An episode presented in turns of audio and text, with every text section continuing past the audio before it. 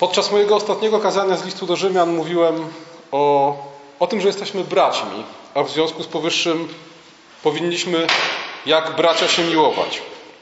Apostoł Paweł mówi w 12 rozdziale 10 wersecie listu do Rzymian: Miłością braterską jedni drugich miłujcie.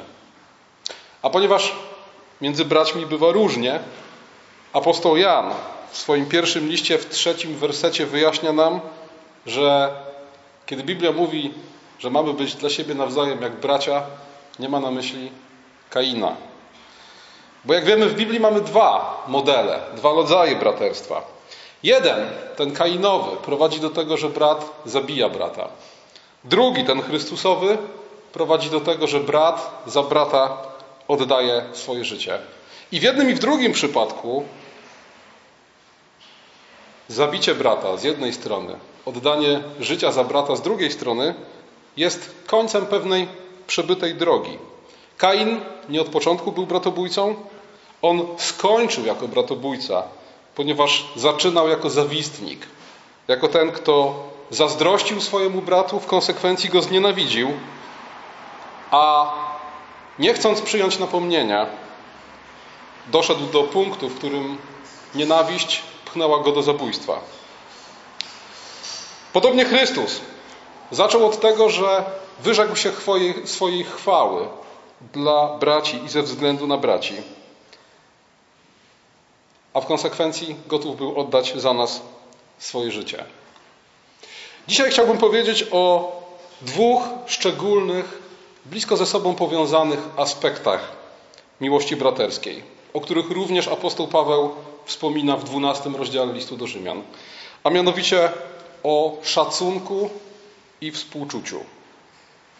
W dziesiątym wersecie 12 rozdziału czytamy: Miłością braterską jedni drugich umiłujcie, wyprzedzajcie się wzajemnie w okazywaniu szacunku. W wersecie 15 natomiast czytamy: Weselcie się z weselącymi się, płaczcie z płaczącymi. W zasadzie do tych dwóch rzeczy, do szacunku i współczucia, rozumianego jako empatia, moglibyśmy sprowadzić braterską miłość. Braterska miłość jest wtedy, kiedy się nawzajem szanujemy i kiedy współczujemy ze sobą nawzajem. Każdy niedostatek braterskiej miłości jest albo niedostatkiem szacunku, albo niedostatkiem współczucia. Dlatego też kultura Kościoła, prawdziwie chrześcijańska kultura, musi być kulturą szacunku i kulturą współczucia. Jest takie modne dzisiaj słowo kultura organizacyjna. Tego słowa używa się na opisanie tego, jak funkcjonuje organizacja, niezależnie od tego, czy to jest drużyna harcerska, firma, urząd, czy cokolwiek innego. Każda społeczność posiada taką swoją kulturę organizacyjną. Gdybyśmy sięgnęli do podręcznikowych definicji, przeczytalibyśmy, że jest to zespół wartości, tradycji, przekonań, postaw, które są istotą tego wszystkiego, co się robi i tego, w jaki sposób się myśli wewnątrz organizacji. Jest przy tym kultura organizacyjna zasilana przez system obrzędów, rytuałów, wzorców, struktur. Kultura organizacyjna, jeśli już używamy tego słowa kościoła, powinna być przesycona szacunkiem i współczuciem. Klimat kościoła powinien być przesycony szacunkiem i współczuciem. Szacunek polega na tym, że rozpoznajemy godność, wartość drugiego człowieka i odnosimy się do niego w sposób właściwy, ze względu na tę właśnie rozpoznaną godność i wartość. A ponieważ człowiek reprezentuje różne rodzaje godności, różne są też formy okazywania szacunku. Innego rodzaju szacunek okazujemy przełożonemu, innego rodzaju szacunek okazujemy podwładnemu. Inaczej syn okazuje szacunek ojcu, a ojciec synowi. Innego rodzaju szacunek przynależy pastorowi, nauczycielowi, prezydentowi Rzeczpospolitej, osobie w podeszłym wieku. Innego rodzaju szacunek zastrzeżony jest dla kobiet. Co najważniejsze, nie ma człowieka, któremu nie należałby się żaden szacunek w żadnej jego formie. A to dlatego, że nie ma człowieka, który nie posiadałby żadnej godności. W chrześcijaństwie nie ma miejsca na zjawisko, które znamy z hinduizmu, tak zwanych niedotykalnych. A więc ludzi, którzy będąc poza systemem społecznym, nie zasługują na nic. Na to, żeby im podać rękę, na to, żeby zamienić słowo, na to, żeby jakkolwiek pochylić się nad którąkolwiek z ich potrzeb. Dlaczego?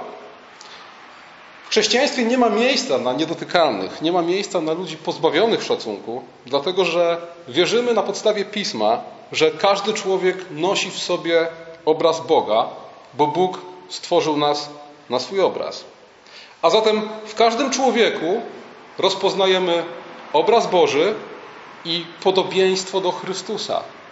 Dlatego, że jeśli Chrystus stał się człowiekiem, to stał się podobny nie do abstrakcyjnie rozumianego człowieka, nie do człowieka z deklaracji praw człowieka i obywatela, ale stał się podobny do każdego z nas.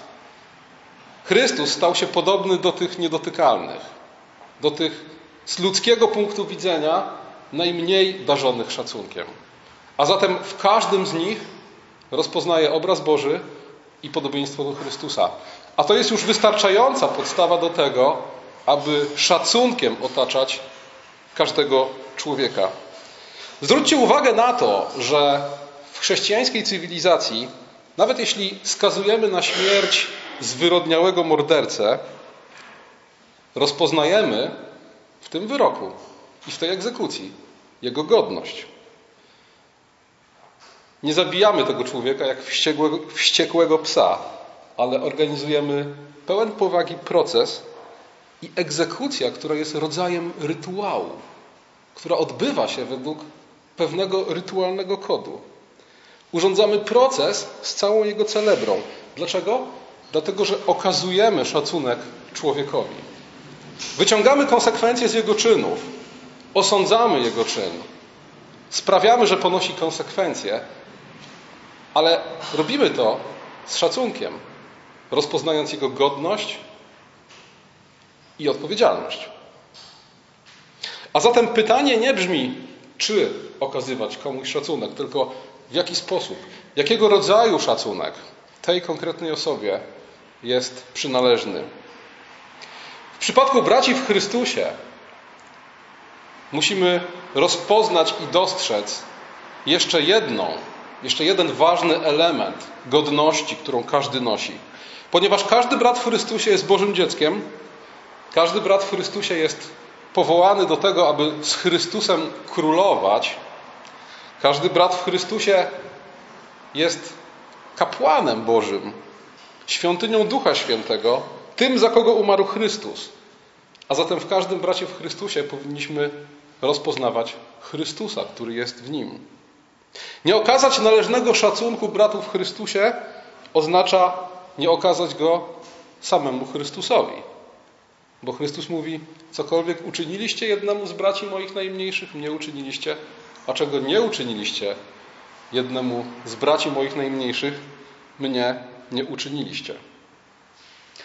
Oczywiście, mówiąc o szacunku, mamy na myśli coś więcej niż pozory szacunku. Apostoł Paweł wzywa nas do czegoś więcej niż okazywanie dobrych manier we wzajemnych relacjach. Chodzi o to, abyśmy rzeczywiście, prawdziwie w człowieku, którego spotykamy, rozpoznawali godność, którą nosi. Czy to godność wynikającą ze stworzenia, czy to dodatkowo godność wynikającą z bycia w Chrystusie, i abyśmy w całym swoim postępowaniu wobec tego człowieka, w całym swoim postępowaniu wobec brata w Chrystusie rozpoznawali tę godność. Abyśmy, krótko mówiąc, przeciwko bratu w Chrystusie, czy wobec brata w Chrystusie, nie dopuszczali się czegoś, co tej godności zaprzecza. Abyśmy wobec brata w Chrystusie nie odważyli się na nic, czego nie bylibyśmy gotowi zrobić Chrystusowi. A zatem, jeśli okłamujemy brata w Chrystusie, okazujemy mu brak szacunku, bo przecież nie okłamalibyśmy Chrystusa. W jaki sposób okazywać sobie nawzajem szacunek?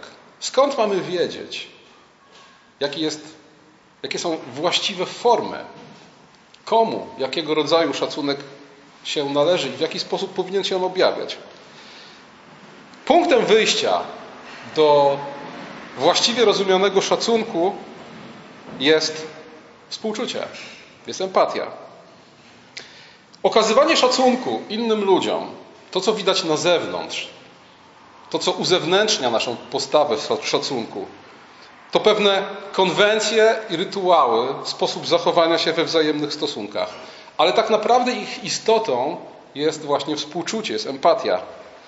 Robisz to, co robisz i mówisz to, co mówisz, Powinieneś robić to, co robić, robisz i mówić to, co mówisz w taki sposób, aby innych nie ranić, nie obrażać, nie poniżać, nie sprawiać przykrości. A ponieważ zwykle sami doskonale wiemy, jakiego rodzaju szacunku oczekujemy od innych, nie chcemy, żeby nam przerywano, kiedy mówimy, lekceważono, wyśmiewano, ignorowano, traktowano z wyższością, okłamywano. Mamy gotową odpowiedź na pytanie, w jaki sposób okazywać szacunek innym. Jeśli chcemy, aby ktoś docenił moją pracę, którą wykonałem, podziękował za coś, co dla niego zrobiłem, zwłaszcza jeśli zrobiłem to bezinteresownie, jeśli w sytuacji, kiedy tego zabraknie, czuję się nieszanowany, to już wiem, jak szanować innych. Wiem, jak chciałbym, aby inni traktowali moją żonę i dzieci. W taki sam sposób powinienem traktować żonę mojego brata i jego dzieci. Bo współczucie, współodczuwanie z innymi sprawia, że jesteśmy zdolni do właściwego okazania szacunku. Współczucie to zdolność rozumienia innych ludzi, umiejętność wczuwania się w ich potrzeby i uczucia, spojrzenia na rzeczywistość z ich perspektywy. I tu oczywiście pojawia się Chrystus ze swoją złotą zasadą. Szósty rozdział Ewangelii Mateusza, 33 werset. Cokolwiek byście chcieli, aby ludzie wam czynili, to wy im czyńcie. Oczywiście współczucie to coś więcej niż szacunek. Współczucie pozwala nam, empatia pozwala nam we właściwy sposób okazać innym szacunek, ale pozwala nam też na wiele więcej. Wchodząc w buty bliźniego, współczując z nim, współodczuwając z nim, rozpoznajemy jego godność i słuszne oczekiwanie szacunku, ale rozpoznajemy też jego radości i smutki, które możemy z nim dzielić, i potrzeby, które możemy zaspokajać. Dlatego współczucie z jednej strony prowadzi nas do okazywania szacunku, ale prowadzi nas też do tego, abyśmy płakali z płaczącymi, jak mówi apostoł Paweł, abyśmy radowali się z radującymi się, abyśmy, jak w 13 wersecie 12 rozdziału mówi Paweł, okazywali sobie nawzajem gościnność? I wreszcie, abyśmy, zgodnie z tym, co mówi w ósmym wersecie, obdarowywali się nawzajem i okazywali sobie miłosierdzie. Każda z tych rzeczy jest ważna. Każda z tych rzeczy, wszystkie one składają się na to, co apostoł Paweł ma na myśli, mówiąc o braterskiej miłości. Zacznij od współodczuwania z innymi. To pozwoli ci we właściwy sposób okazywać im szacunek. To pozwoli ci towarzyszyć im w ich dolach i niedolach, płacząc i radując się razem z nimi, dzieląc z nimi radości i smutki. To pozwoli ci zaspokajać ich potrzeby wtedy, kiedy tego potrzebują. Zwróćcie uwagę na to, że Chrystus w Ewangeliach opisany został jako ten, który bywa na ślubach i pogrzebach. To bardzo ważny aspekt naszego posługiwania. Zwróćcie uwagę, że ludzie w każdej kulturze i cywilizacji organizują śluby i pogrzeby. Co to znaczy? To znaczy, że nie chcą płakać sami i nie chcą się sami cieszyć.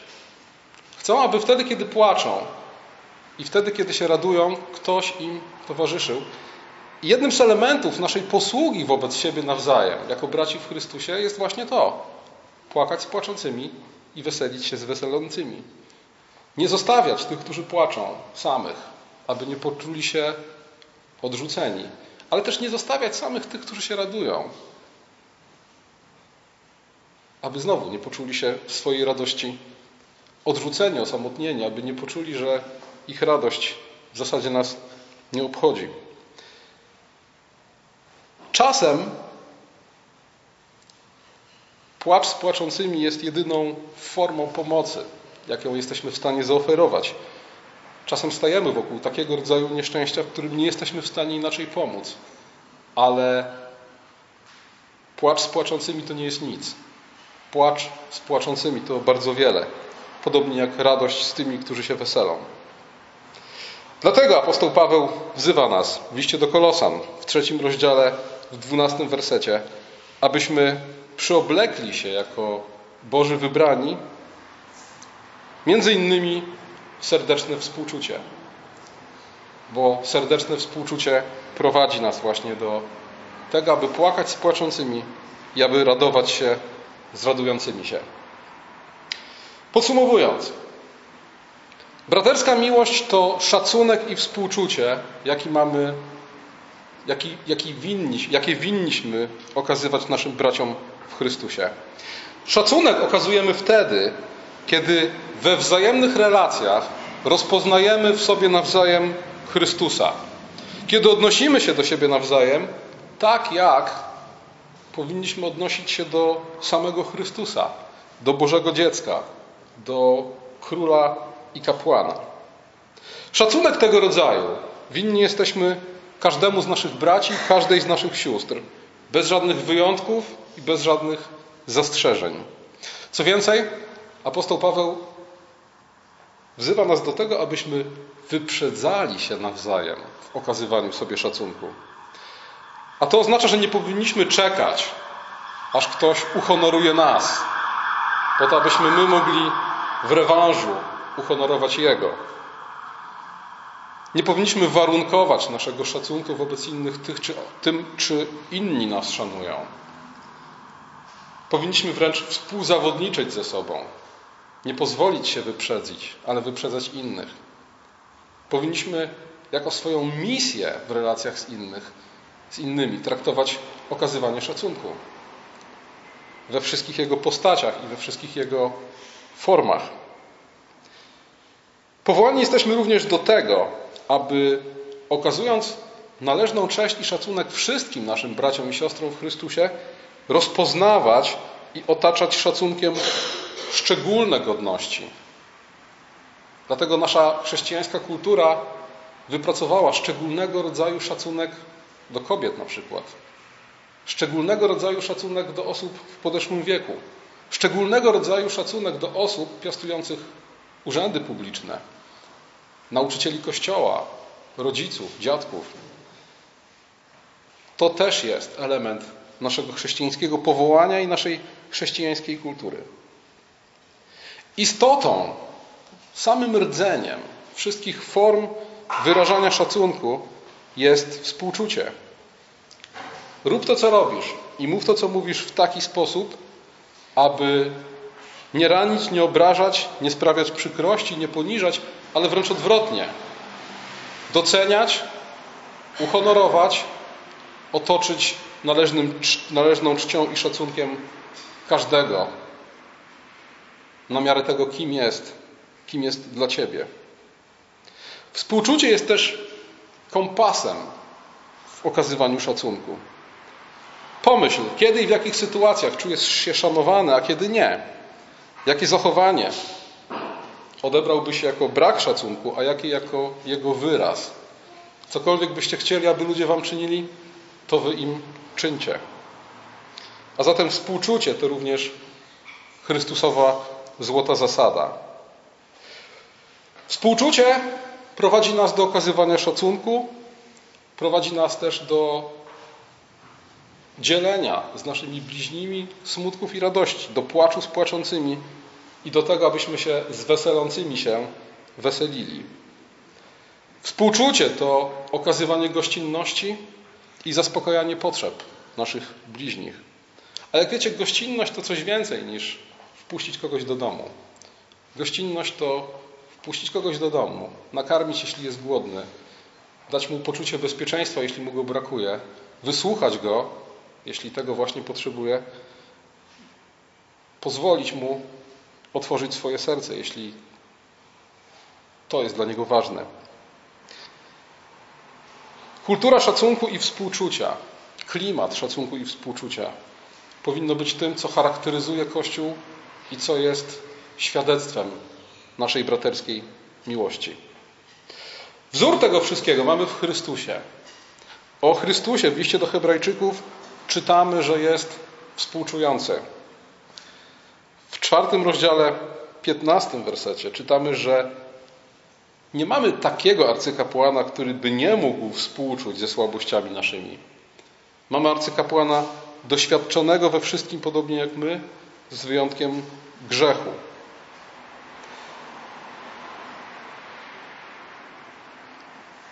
Chrystus rozpoznaje w nas braci. Jesteśmy Jego braćmi na mocy Bożego wybrania, dzieła odkupienia i uświęcenia.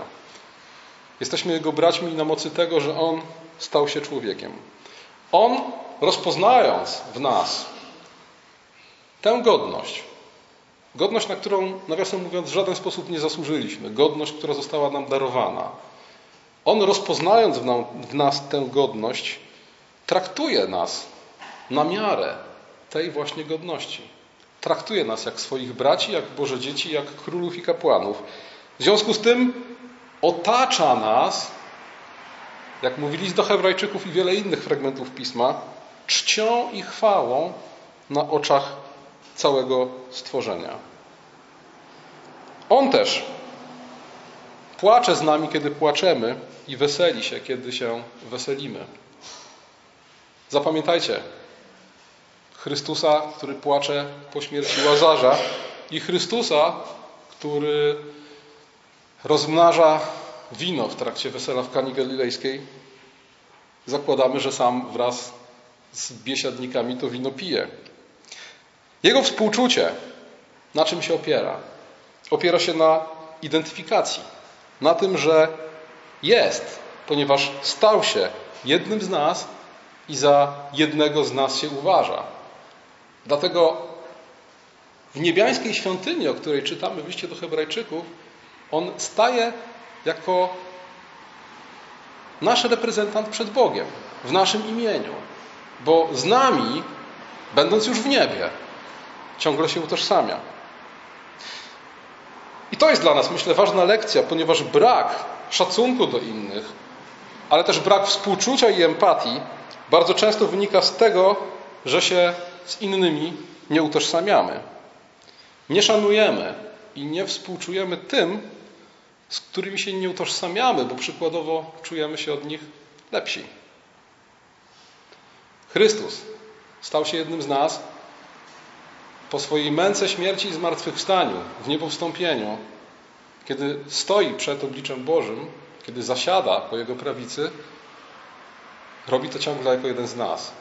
Jako wierny i dobry arcykapłan, doświadczony we wszystkim oprócz grzechu, taki, który może współczuć wszystkim naszym słabościom. Jego współczucie wobec nas obraca się też w czyn, staje się miłosierdzią, miłosierdziem, gotowością do służby. Wielokrotnie widzimy Chrystusa jeszcze za czasów Jego ziemskiej działalności, kiedy On poprzez swoje słowa i czyny przedstawia się jako ten, który służy. Nie przyszedłem po to, aby mi służono, ale aby służyć. A zatem jego współczucie nie ogranicza się do wyrazów współczucia. Staje się miłosierdziem i gotowością do służby. Mówi się tak, tak mówią współcześni psychologowie, i tutaj mają rację, choć często racji nie mają. Tutaj akurat mają, kiedy mówią, że szacunek i współczucie wobec innych najczęściej i najchętniej okazują ludzie, którzy sami szacunku i współczucia w swoim życiu doświadczyli. Bardzo często nie szanują innych ci, których nie szanowano. Nie okazują współczucia ci, którym nie, nikt nie współczuł. Coś w tym jest. Skoro coś w tym jest, to pamiętajmy, że Chrystus okazuje nam cześć, szacunek, zgodnie z tym, kim jesteśmy. Chrystus współczuje z nami i to współczucie przekłada się na Jego służbę wobec nas. A zatem każdy z nas, jeśli tylko jest w Chrystusie, doświadczył prawdziwego szacunku, doświadczył prawdziwego współczucia. A zatem trwaj w Chrystusie, bądź blisko Niego, poznawaj Go, doświadczaj tego szacunku i współczucia, jakie On ma dla nas, a czego doświadczysz w relacji z Nim, tym obdarowuj innych. Amen.